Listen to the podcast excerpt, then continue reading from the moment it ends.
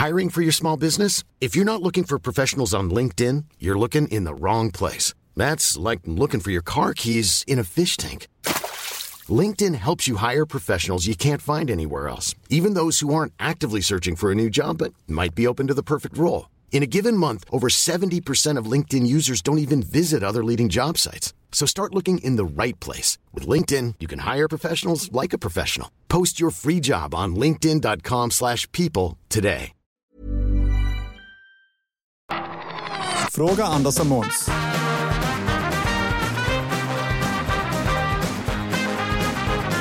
Hoppsan soppsan, där bröt jag vår vignett. Varför då? Jo, för jag ska läsa ett brev från Per Andreasson ifrån Malmö. Hej Anders och Måns! Jag tänkte att det är dags för en ny signaturmelodiversion. Och denna gång står inga mindre än Anders och Måns för sång och kör. Anders och Måns? Ja, det är alltså du och jag Måns som sjunger. Det är mest jag som sjunger och Måns, du är lite mer kör. Här kommer det. Varmt och hjärtligt välkomna till podden Fråga Anders Måns. Ja, ja. Med vanlig ordning är det jag, Anders Anka Johansson och Måns Åsen Nilsson. Har det hänt? Plötsligt revisor. Ja. Varmt och hjärtligt välkomna till podden Fråga Anders Måns. Ja, ja. Med vanlig är jag, Anders Anka Johansson och Måns Åsen Nilsson. Har det hänt? Plötsligt revisor. Ja, ja. Har det hänt? Plötsligt revisor. Ja. Ja! Tusen tack för det! Som sagt, hjärtligt välkomna till Fråga Anders och Måns, podden som svarar på dina frågor. Det kan vara frågor om precis vad som helst, eller hur Ankan? Absolut, om man skriver det till adressen fraga andersomans.se. Men ganska ofta så handlar det om djur. Och idag ska jag prata hela avsnittet om hundar. Hela, får jag inte prata? Nej, knappt. Knappt fått syl i vädret faktiskt. Ankan, vad har hänt dig sen sist? Eh, mycket har hänt mig sen sist. Eh, jag har bland annat tillsammans med min vän lyckats eh, sälja en felköpt husbil från 70-talet till en pakistanier numera boende i Nederländerna. Ja, Jag har varit runt och gjort reklam för min föreställning. just det, just det. Nypremiär snart, köp biljett, bla nu bla bla bla bla bla. Men jag har gjort mycket reklam. Och du vet hur det är då Måns, man pratar i radio och man pratar med olika journalister i olika tidningar och man pratar om jag och om jag och jag och mig. Man blir så trött på sig själv. Ja, man ringer till tidningar i Örebro och Borås och man pratar om mig och mig och jag. Va? Så. Och om du Måns är lite trött på mig så anar du inte hur många hundra gånger mer trött jag är på mig. Nåväl, som en del av det här så skulle jag vara med i ett underhållningsprogram i TV. Bubbelibob. Ja, typ. Och jag blev hämtad då av en taxi utanför en radiostudio. Det har nyss varit då svintidigt på morgonen och pratat om just jag och mig. Jag hoppade in i den här taxin och när jag hade åkt i några minuter så märkte jag att attan, nej, jag har glömt mina nycklar i den här radiostudion. Det var lite dumt. Jag var lite trött och det var skittidigt på morgonen. Ja, ja, jag fick be taxichauffören att köra tillbaka och han vände. Och då hände det som inte får hända. Vänta! Ja. Vad kan det vara som inte får hända i den här situationen? Ja, han blev stoppad av polisen och eh, tilldömd böter för att ha kört sju kilometer i timmen för fort. Det var ju tråkigt ju. Taxichauffören blev väldigt, väldigt arg. Alltså mycket, mycket arg. Han svor och han sa saker som att polisen borde fan mig ha viktigare saker att göra. Dålig stämning. Men medan han argumenterade med den här polisen så passade jag att smita upp och hämta mina nycklar i radiostudion, kom tillbaka, allt var klart med polisen och sen åkte vi. Och det blev en resa, man kan säga i vredesmodets tecken. det, var, det var tydligt att han ansåg att det var mina nycklar och inte hans gasfot som låg bakom de här böterna. Ja, det var ditt fel Ja, alltihopa. han var inte arg på sig själv, inte på polisen utan på mig. Det var ju liksom mitt fel att vi vände. Ja, men han har ju rätt. Det var ju att du är tankspridd och klantig som orsakade detta. Nu var det här en ganska lång taxiresa och vi åkte ut i naturen. Och efter cirka 15 minuter i den här tysta dåliga stämningen säger taxichauffören citat. Det var ena jävla dyra nycklar. Stämningen är mörk, det är morgon och då, just då efter det här uttalandet om mina nycklar så tittar jag ut genom fönstret och då ser jag något jag aldrig sett i hela mitt liv tidigare. detta är sant. Utanför fönstret simmar en bäver. Det är, det är ju helt fantastiskt. Vi passerar en sjö och för första gången i mitt snart 50-åriga liv ser jag en bäver live. Så jag säger Titta en bäver! Så den sammanlagda dialogen blir alltså Det var ena jävla dyra nycklar. Titta, en bäver! Han tittar ju på vägen och såg med allra största sannolikhet ingen bäver. Äh, Var han lika imponerad och intresserad Jag av kände- bävern Nej. som du? Jag kände mig ju helt dum i huvudet. Världens sämsta försök att bryta samtalsämne.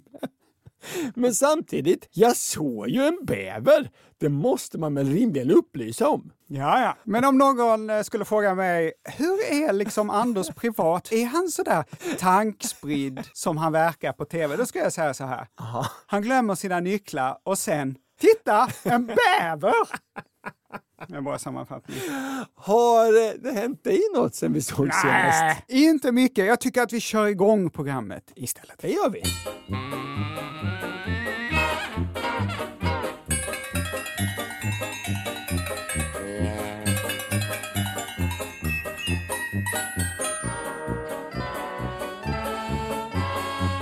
Anders, vem är det som har skrivit till oss? Det är David. Han skriver Hej Anders och Måns. Räddar verkligen brandmän katter ur träd? Eller är det bara så som det avbildas i barnböcker? Med vänliga hälsningar David. Måns, vad tror du om det här? Ja, men katter är ju väldigt bra på att ta sig ner från höga ställen. Jag vet inte varför katter inte bara klättrar ner när de är högt uppe i träd. Men du vet, det här har jag i alla fall sett i hundratals, Ja. barn- kanske tusentals barnböcker. Ja. Brandmän som räddar katter ur träd. Jag googlar det här och jag hittar brandmän som räddade katter ur bränder, såklart. Brandmän som räddade en katt från en elstolpe. Jag hittar brandmän som räddar en katt som fastnat under isen. Och jag hittar brandmän som räddar en katt ur ett träd.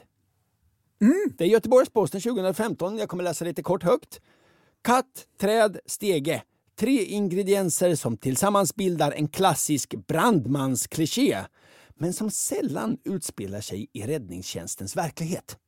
Så skriver Göteborgs-Posten. Men eh, det här var katten Hugo det i Uddevalla som efter två dygn uppe i ett högt träd räddades av brandman på stege. Där skriver Bohuslänningen. Vi gör inte det så ofta. Katter brukar, som du säger Måns, klättra ner själva när de blir hungriga.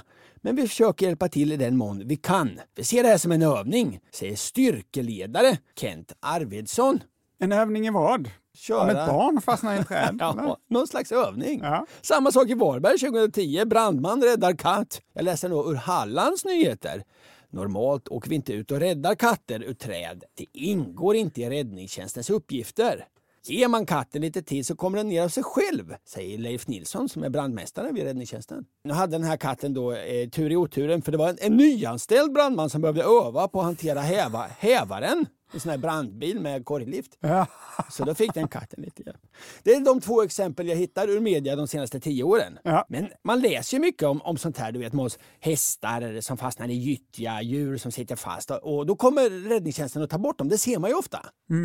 P4 Östergötland rapporterade detta i februari i år. Efter att ha räddat en hund som eh, fastnat i silen i en diskho med tassen här i helgen så undrar vi idag... En hund som fastnat med tassen i silen i en diskho. Då kom brandmännen. Och då ställer P4 Östergötland den här högst rimliga frågan. Är det det här våra skattepengar ska gå till? När kommer man och räddar djur? Och då får Morgan Wass ge svaret. Är det självklart att ni rycker ut när eh, husse matte ringer?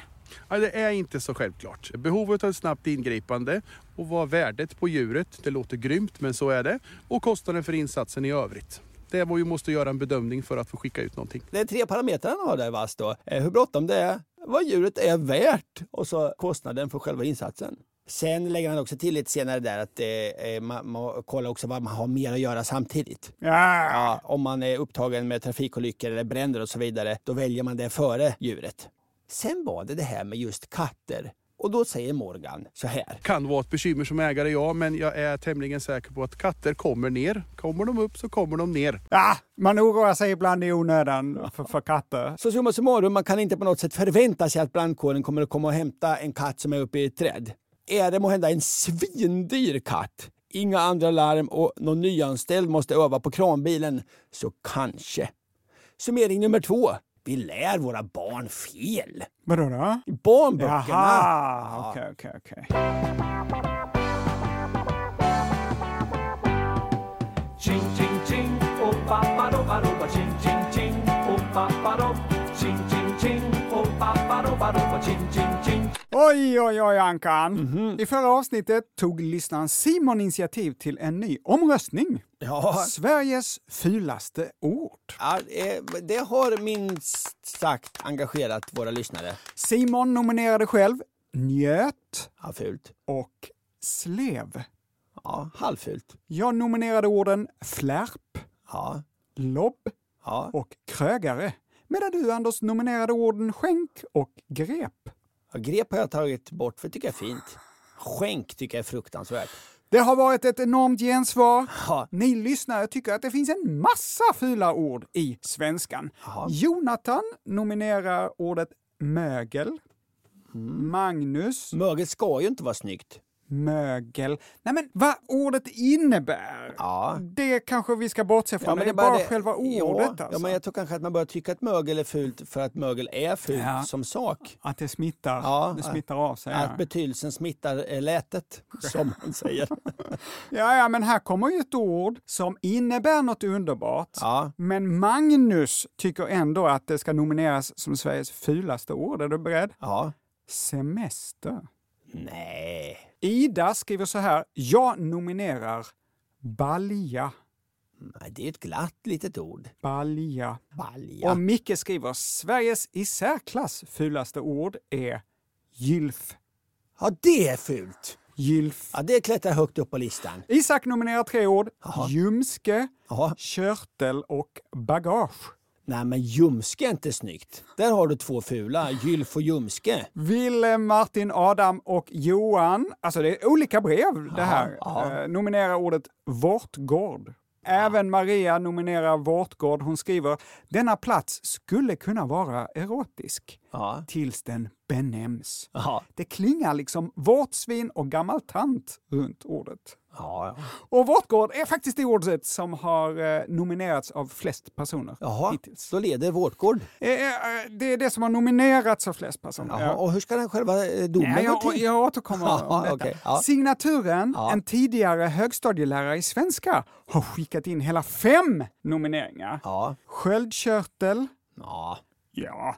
Ja. 70 sjösjuka sjömän med skörbjugg sköttes av sköna sjuksköterskor från Skellefteå 1727 på det av sjögrässjunkande skeppet Charlotta. Det här är ju inte ett ord. Nej, det det är är ju ju en ramsa. Det är en Det ramsa. här är helt diskvalificerat. Skicka inte in ramsor till den här tävlingen. Sen nominerar hon ordet Bengt. Det är ett namn. Ja, men det godkänner jag ändå. Jaha. Och så nominerar hon, citat, alla ord med R när någon med samma dialekt som Peter Jihde eller Måns Nilsson uttalar dem. Mm. Ett riktigt räligt påhopp. Ja, det får vi påstå. Avslutningsvis föreslår hon ordet framskärt. Självklart har även en logoped nominerat, så här Aha. skriver Petra. Topp tre, kärlek, Va? tallrik Nej. och på första plats, utan konkurrens, fulast av alla, lugg. Lugg är ganska fult. Ja, det håller jag med om. Det är tre som jag köper alltså. Gylf, ljumske och lugg. En anonym person nominerar ordet lergök. Va? Och det är klart att man vill vara anonym då. Ja. Man vill ju inte få hela Ängelholm emot sig. Nej, absolut inte. Då får man gängstryk av Ängelholmarna alltså. Lergökarnas stad. De har till och med en lergöksorkester. Såklart. Och då tänker du Anders, Ja. det där måste låta för jävligt, tänker du. Nej, det tänker jag inte. Jo, det tänker du. Men det är faktiskt inte så illa. Nähä. Vi ska lyssna.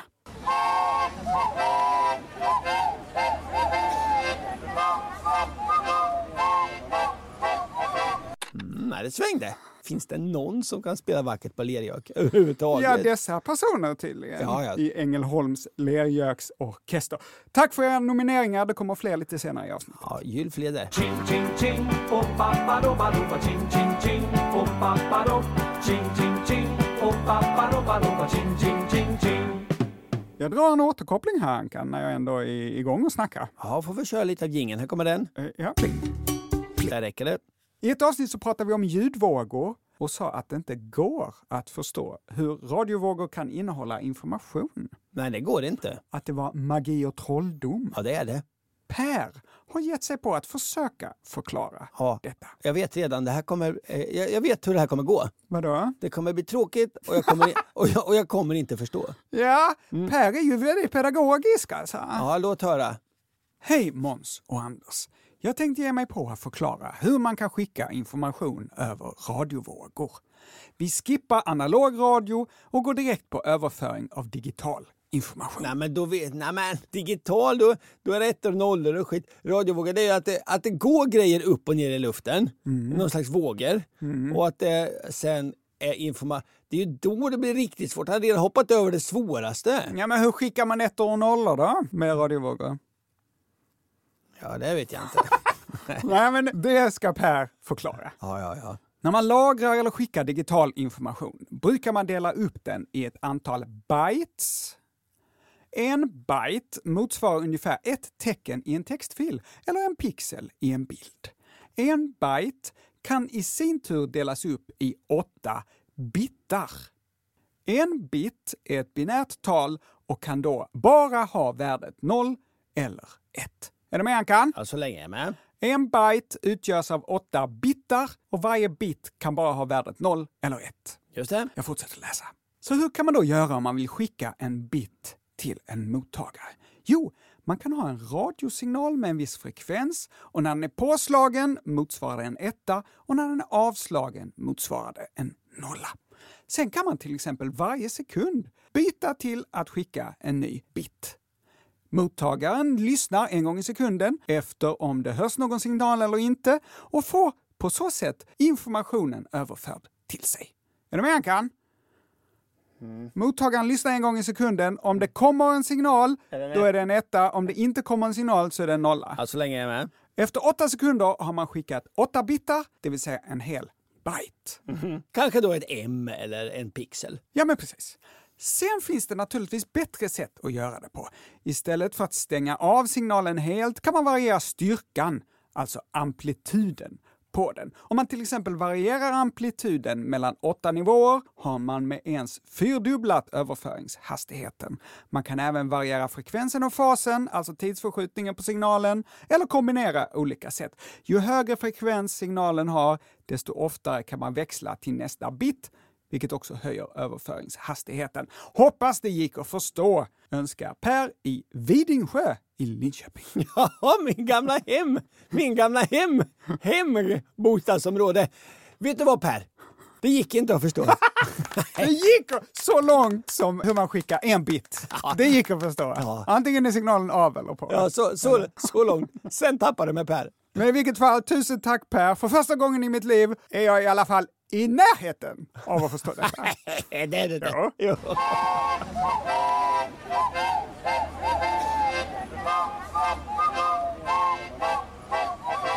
Ny fråga. Hej Manders och Ånås.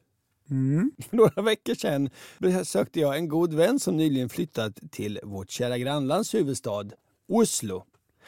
Men under besökets gång konstaterade vi en underlig förekomst. Vid samtliga övergångsställen med trafikljus så visades i vanlig ordning en grön symbol när fotgängare hade tillfälle att gå över. Men till vår förundran fanns det två röda stoppsymboler. Hur kan det komma sig? Varken jag eller min vän kunde se någon skillnad på eller något syfte med den extra lilla röda gubben. Är det bara så att norrmän behöver tydliga direktiv när det kommer till att undvika att gå mot rött? Med förbryllade hälsningar, Daniel. De har alltså en grön gubbe och sen när det blir rött, två likadana röda gubbar. Det så att det är en grön längst upp och sen är det två röda. Ja, det verkar jättemärkligt. Du har inte sett de här eh, röda gubbarna dubbla? Nej. Vi har ju varit i Norge du och jag. Ja. Intervjuat Dimmu Borgir.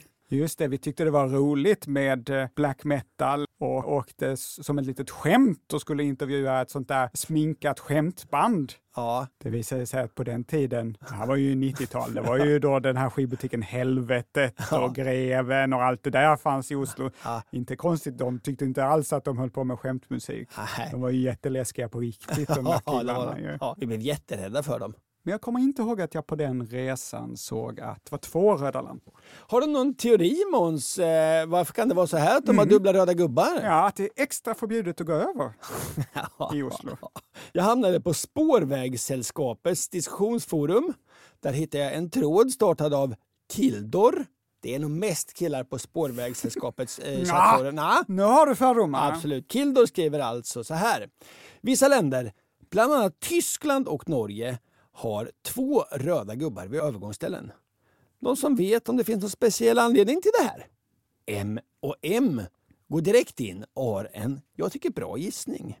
Kan det vara så att man får stordriftfördelar om själva trafikljushusen är samma oavsett om man vill ha röd, röd-grön gubbe eller röd-gul-grön gubbe?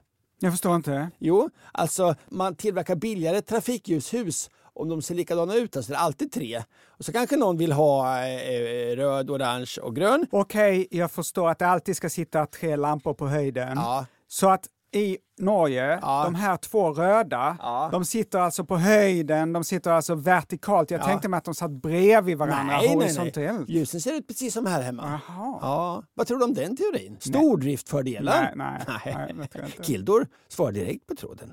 Jag har funderat på samma sak. Jaha. Alltså Kildor har också, funderat kring Ja, stordrift, stordriftfördelar på trafikljushus. Men det känns som det finns tillräckligt många övergångsställen för att motivera en egen produktionsserie av trafikljus. Mm, där är jag inne på Kilders linje. Mm, Dessutom kostar ju den extra röda gubben pengar i form av större materialåtgång och extra underhåll. Och drift, att lampan ska lysa. Ja, kanske vill man skapa redundans för ökad säkerhet, det vill säga röd gubbe går sönder så finns det åtminstone Ah! en kvar som fungerar. Ja, fiffigt. Ja, nu ger sig Mats in i diskussionen.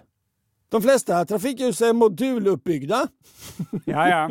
Så att varje lampa i huset Ja. är en modul och så kan man bygga på. Så man kan ju få sju stycken lampor på höjden om man vill det. Ja, att trafikljushus funkar lite som lego. Ja. Däremot så är det så att... Jag älskar allt som är byggt i moduler. Ja, jag också. Det ger liksom en frihet. Ja, och det finns ju en växt som är byggd i moduler. Känner du till den? Nej. Det är en typ av vass. När man var ute och paddlade man var liten kunde man dra vissa vassar som man, den var byggd i moduler kunde man plocka ihop och plocka isär. Man kunde plocka isär och plocka ihop Ja. en växt. Ja, Va? den dog antagligen när man plockade ihop den igen, men den var som moduler. Modulvass kanske den heter. Däremot fortsätter Mats på den här otroligt, otroligt smala diskussionen. Däremot så är det så att två ljusöppningar betyder stopp och en gå. Då behöver du inte ha särskilt god syn för att kunna avgöra om du kan gå över eller inte. Aha, man kan vara färgblind till och med. Till exempel. Om två lampor lyser, då får jag Ja. inte gå över. Om en lampa lyser, då får jag gå över. Ja, det är ju många tydlighetsfördelar. Stämmer det här? Ja. Jag tror också det. För så här skriver nämligen bloggaren Marianas by. Karlstad, Singapore, tur och retur.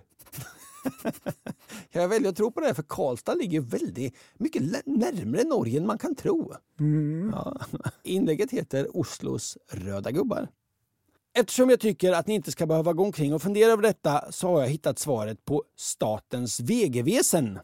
Alltså det är ju Norges vägverk antar jag då. Med två gubbar istället för en är det lättare att se för folk längre bort på grund av större ljusyta. Två, om Mm. ja, det går hade sönder... bara kunnat ha en jättestor lampa då. Ja. Ja, ja, ja, men det blir också ett tydligare signalspråk ju. Ja. Och två, om det går sönder så finns det en röd i reserv. Det här har hon alltså läst på VGVSens hemsida. Eh, Jag ville dubbelkolla det och chattade lite kort med Statens VGVSen och fick följande svar. Mm. Hej! Ska du läsa det på norska nu då? Nej, Jo. He- okej. Hej! Du chattar med Berit. ja. På vägväsen? Ja. Ja. Vi svarade kund på spörsmål om förarkort och omregistrering av köretöj här på chatten. Du kan sända mejl till firmapost.vgvesen.no. Och det, det, det har jag gjort. Ja. Och jag har blivit lovad svar inom 14 arbetsdagar. Så det är ju lite av en dålig följetong det här. Jaha, detta, är detta en cliffhanger? Mm, det, ja, fast vi har nog nästan... Jag ville bara dubbelkolla svaret. Däremot så följer jag numera Statens VGVsen på Instagram. Och I natt när jag skulle jobba så att jag såg ett klipp om rengöring av vägbanor i tunnlar. Och det var ganska intressant. Du kommer bli en hejare på sådana här captcha. Du ska klicka i alla övergångsställen. Så svaret är förmodligen att det är dubbla röda gubbar för att det är tydligare och lättare och bättre. Och om en lampa går sönder så finns det en kvar. Definitivt svar om två veckor. Underbart inslag Ankan! Underbart inslag! Här lyssnar vi lite då kort på eh, Louise Sätermo som berättar lite om rengöring av norska vägbanor. i- Nej, Nej, nej. okej. Det, där, där går min gräns. Faktiskt. Vi tar en trudelutt istället.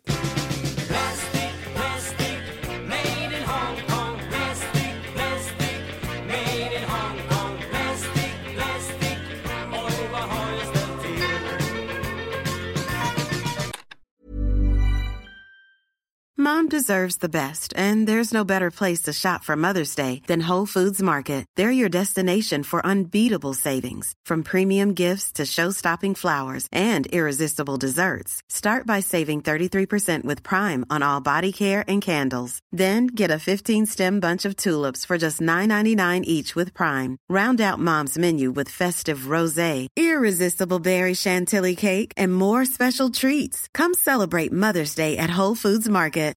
This is Paige, the co-host of Giggly Squad, and I want to tell you about a company that I've been loving, Olive and June. Olive and June gives you everything that you need for a salon quality manicure in one box. And if you break it down, it really comes out to $2 a manicure, which is absolutely insane. It's also so easy to get salon worthy nails at home with Olive and June. The difference between how your nails used to look when you did them yourself and now with the Manny system is a complete game changer. The best thing about Olive and June too is it's a quick dry. Dries in about one minute, lasts for five days, and full coverage in up to one to two coats. Visit oliveandjune.com slash perfectmanny20 for 20% off your first system. That's oliveandjune.com slash perfectmanny20 for 20% off your first system.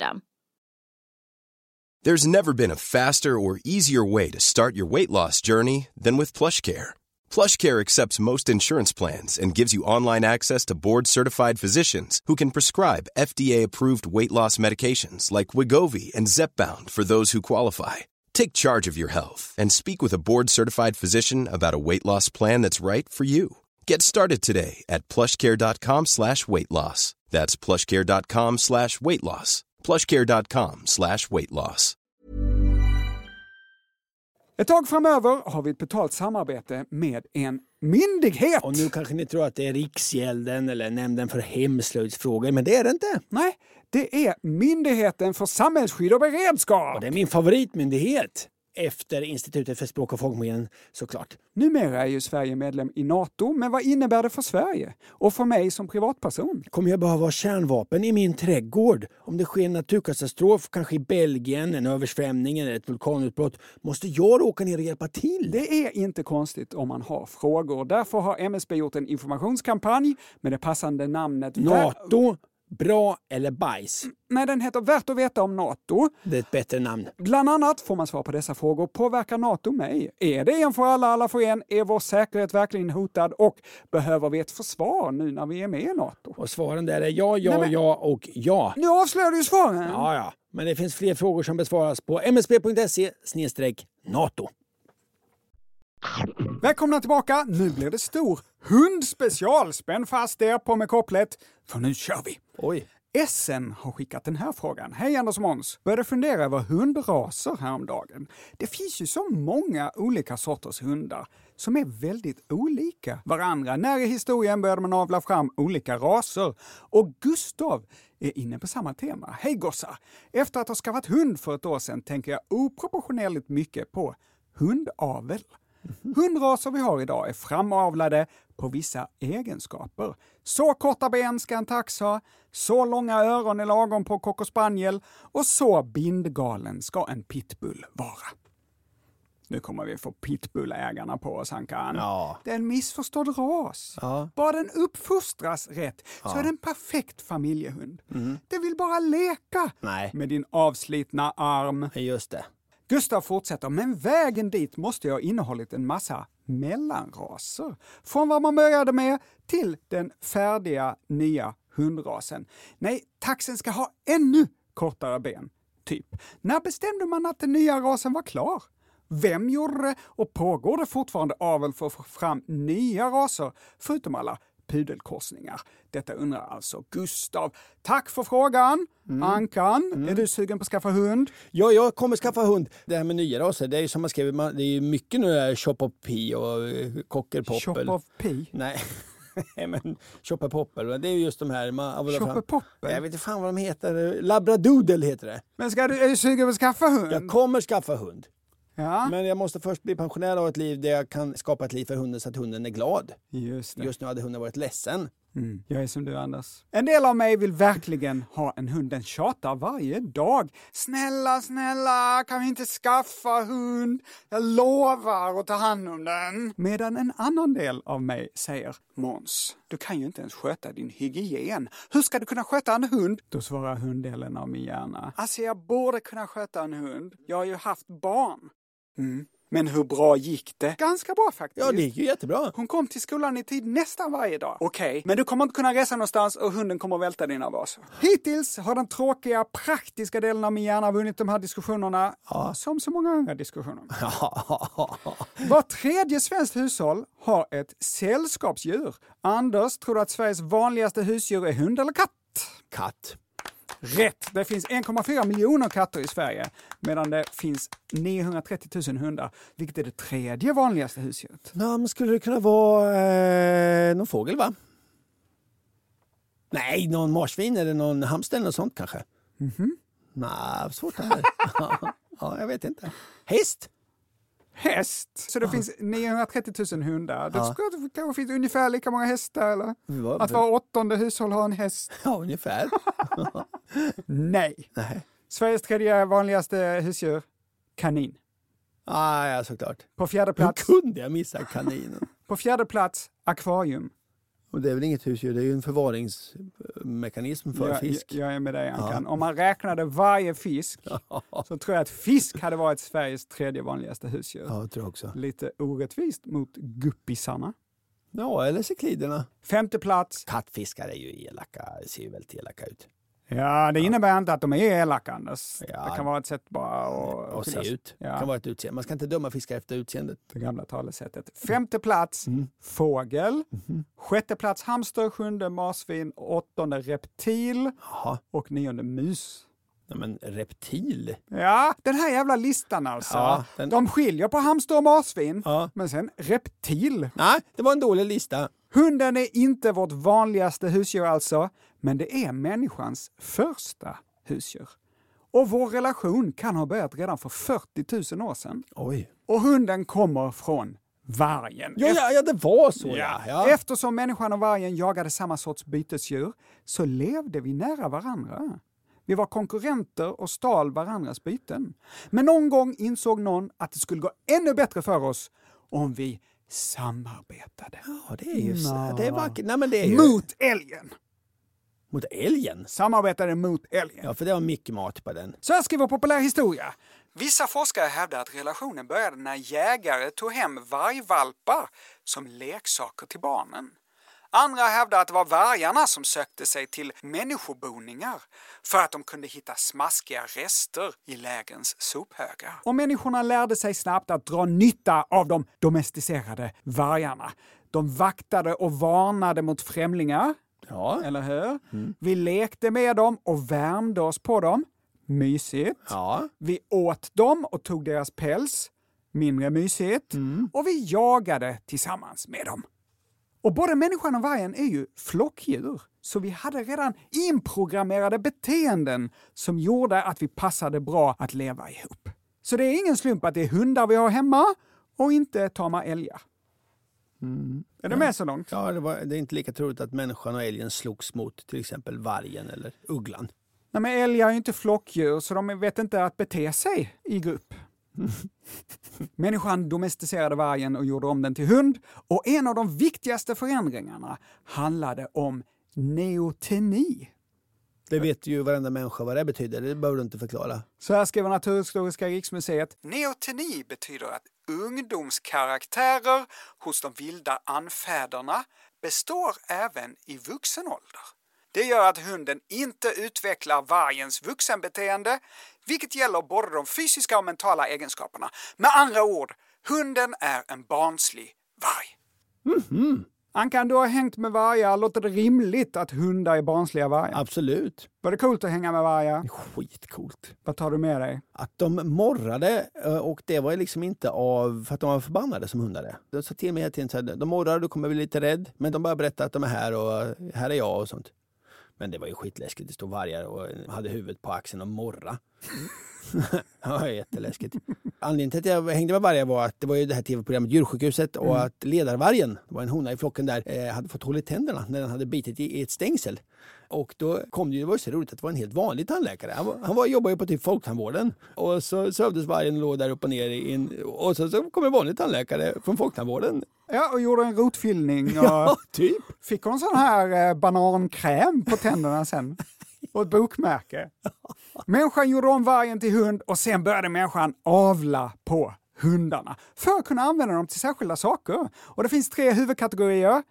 Herdehundar och vallhundar, alltså förfäderna till exempelvis border collie och schäfer. Draghundar, förfäderna till exempelvis Siberian husky.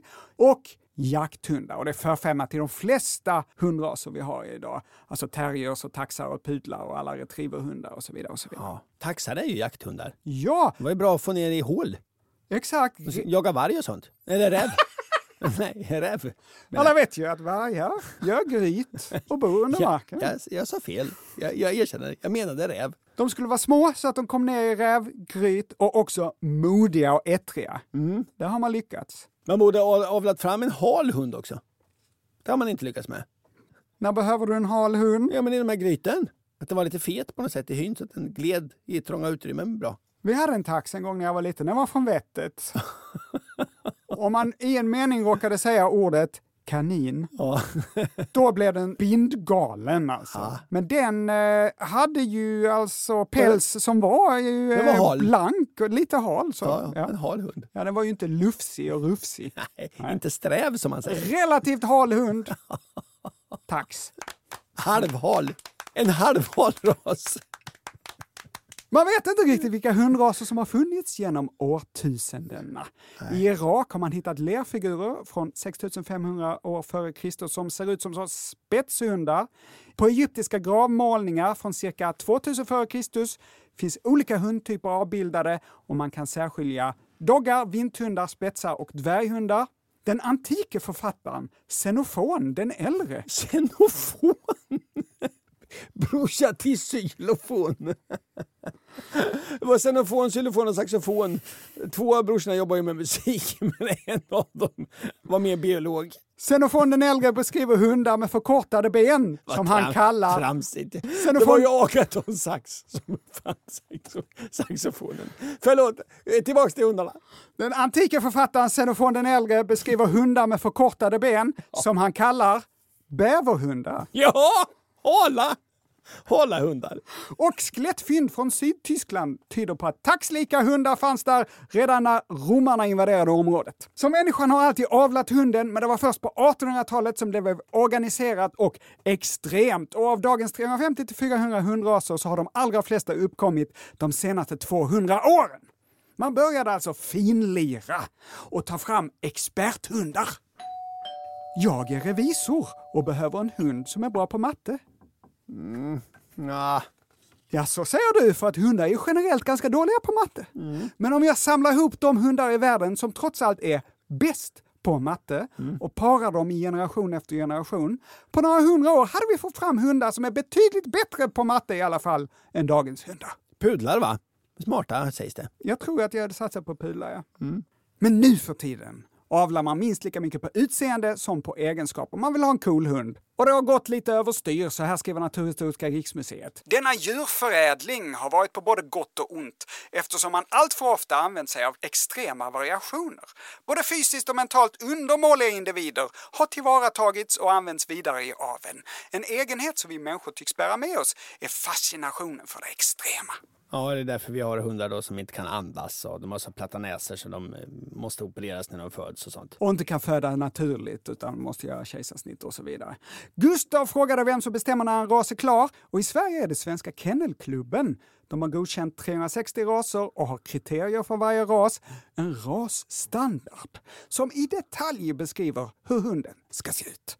Så här skriver de om nostryffeln hos pudel. Nostryffeln ska vara utvecklad och ligga i linje med den vertikala profilen. Näsborrarna ska vara öppna. Nostryffeln ska vara svart hos svart, vit och grå pudel. Den ska vara brun hos brun pudel. Hos aprikosröd pudel ska nostryffeln vara brun eller svart. Hos ljust aprikosröd pudel ska nostryffeln vara så mörk som möjligt. Anders, håller du med Kennelklubben om pudelns no- nostryffel? Har du samma preferenser? Ja, nej. Va? Jag tycker det här är på något sätt, jag vet, kan inte ens formulera varför jag tycker det är provocerande på något sätt. Vi släpper det. Förra året registrerades 73 000 nya hundar i Sverige. 72 procent var en av de här 360 godkända raserna. Resten var korsningar. Anders, vilka hundraser tror du är de mest populära i Sverige just nu? Eh, ja, chefer eh, har alltid varit populärt. Golden retriever är alltid populärt. Och nu de här labradoodle är väl ingen ras då riktigt. Så därför, annars skulle jag nog gissa på dem. Men annat så golden retriever, pudel och chefer. Sveriges mest populära hundras just nu? Labrador. Ja! jag. Ja, ja, ja, ja, ja. Här är Svenska Kennelklubbens topp 10 nyregistrerade hundar år 2022. Plats 1. Labrador. Och det är inte konstigt att labrador är populära, Anka. Ja, de äter och sover och är snälla. Exakt. Pålitliga, lätta att dressera, används ofta som brukshundar, ledarhund och narkotikahund. På andra plats, Chefer. golden retriever. Ja, jag visste att det är populärt. Ja, De är ungefär som labradorer, fast lite snyggare Ja. och mycket dummare. just det. Det är ingen slump att du aldrig ser en golden retriever som ledarhund. Det hade varit livsfarligt. Ja. Som man hör på namnet retriever så är både labrador retriever och golden retriever jakthundar från början specialiserade på Vad betyder retriever? Det vet inte jag. hämta. Jaha. ja. De är avlade för att hämta skjutna fåglar. Tredje plats, mest populära hundar. Tysk schäferhund. Just det. Schäfern, ja. Chefen är ju så rolig för att man tänker att den ser ut på ett sätt, men sen när man ser hur den ser ut så har den, är den så låg där bak.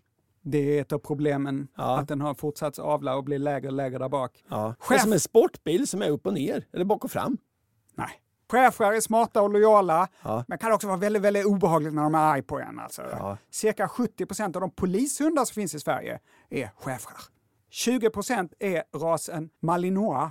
Schäfrar och malinois, där Mal- har du svenska polishundar. Malinois? Jag vet inte om det uttalas så, ingen aning. Nej. Okej, plats 4 till 10. Jämthund, cocker spaniel, Staffordshire, bullterrier, dansk svensk gårdshund, bichon havanais, finsk lapphund, flat-coated retriever. Ja. 15 plats, Jack Russell terrier, sådana har mina föräldrar. Ettriga rackare. Ja. Alltså inte mina föräldrar, utan de här hundarna. Ja, Ja. Så här skriver Svenska Kennelklubben angående trender på topplistan.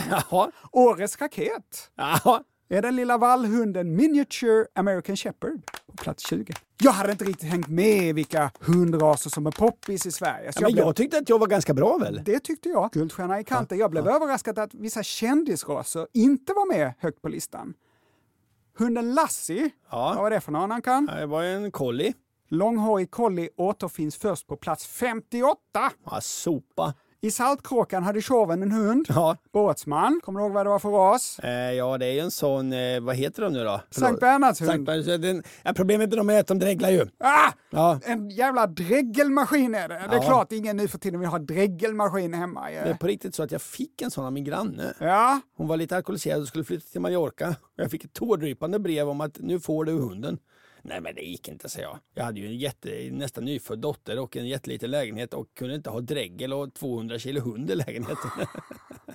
det är kanske därför, på grund av dessa anledningar, som Sankt Bernhardshund är först på plats 151 ja. Men det där hundrasen som du har tjatat om då, Anders? Labradoodle. Labradoodle, alltså en korsning mellan labrador och pudel.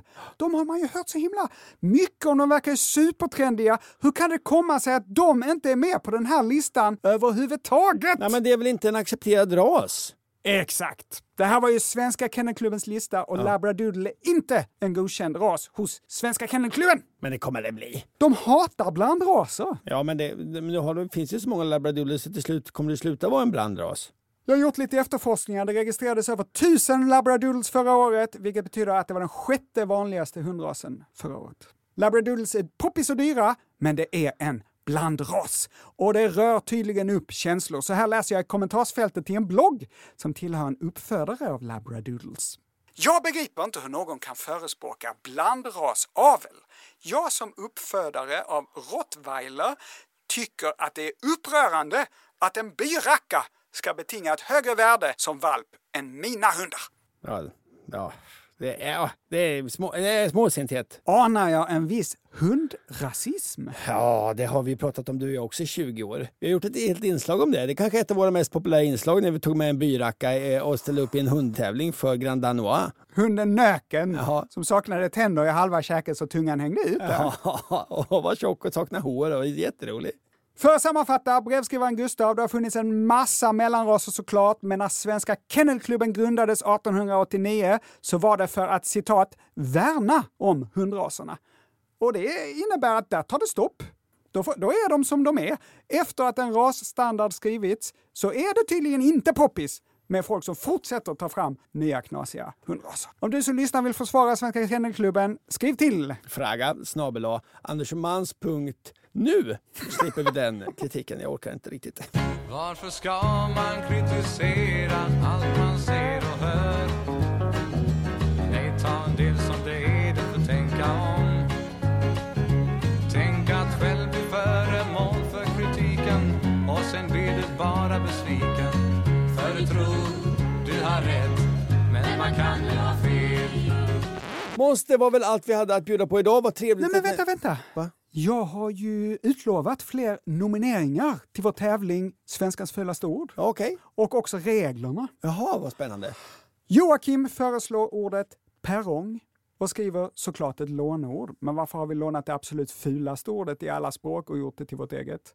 Helena nominerar ordet mjugg och samtliga ord som innehåller ett långt ö, som att kött kan vara mört. Det är fint på östgötska. Mört. Jag har nu hittat på regler till den här tävlingen, Nankan. Vad spännande. Man får nominera i en vecka till. Jaha. Sedan kommer jag vara enväldig jury och ta fram fem finalister. Jaha. Sveriges fem fulaste ord som ni lyssnare får rösta på.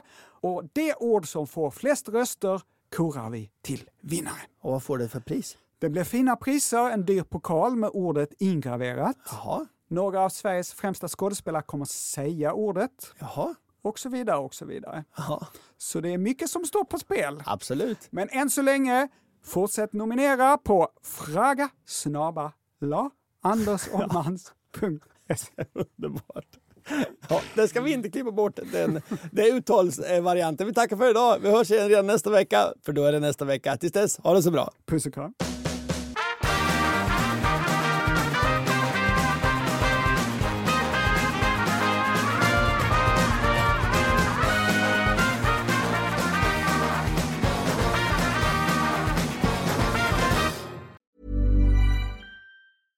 Mom deserves the best, and there's no better place to shop for Mother's Day than Whole Foods Market. They're your destination for unbeatable savings, from premium gifts to show-stopping flowers and irresistible desserts. Start by saving 33% with Prime on all body care and candles. Then get a 15-stem bunch of tulips for just $9.99 each with Prime. Round out Mom's menu with festive rosé, irresistible berry chantilly cake, and more special treats. Come celebrate Mother's Day at Whole Foods Market. A lot can happen in three years, like a chatbot may be your new best friend. But what won't change? Needing health insurance. United Healthcare Tri Term Medical Plans, underwritten by Golden Rule Insurance Company, offer flexible, budget friendly coverage that lasts nearly three years in some states. Learn more at uh1.com. Hey, it's Paige DeSorbo from Giggly Squad. High quality fashion without the price tag. Say hello to Quince.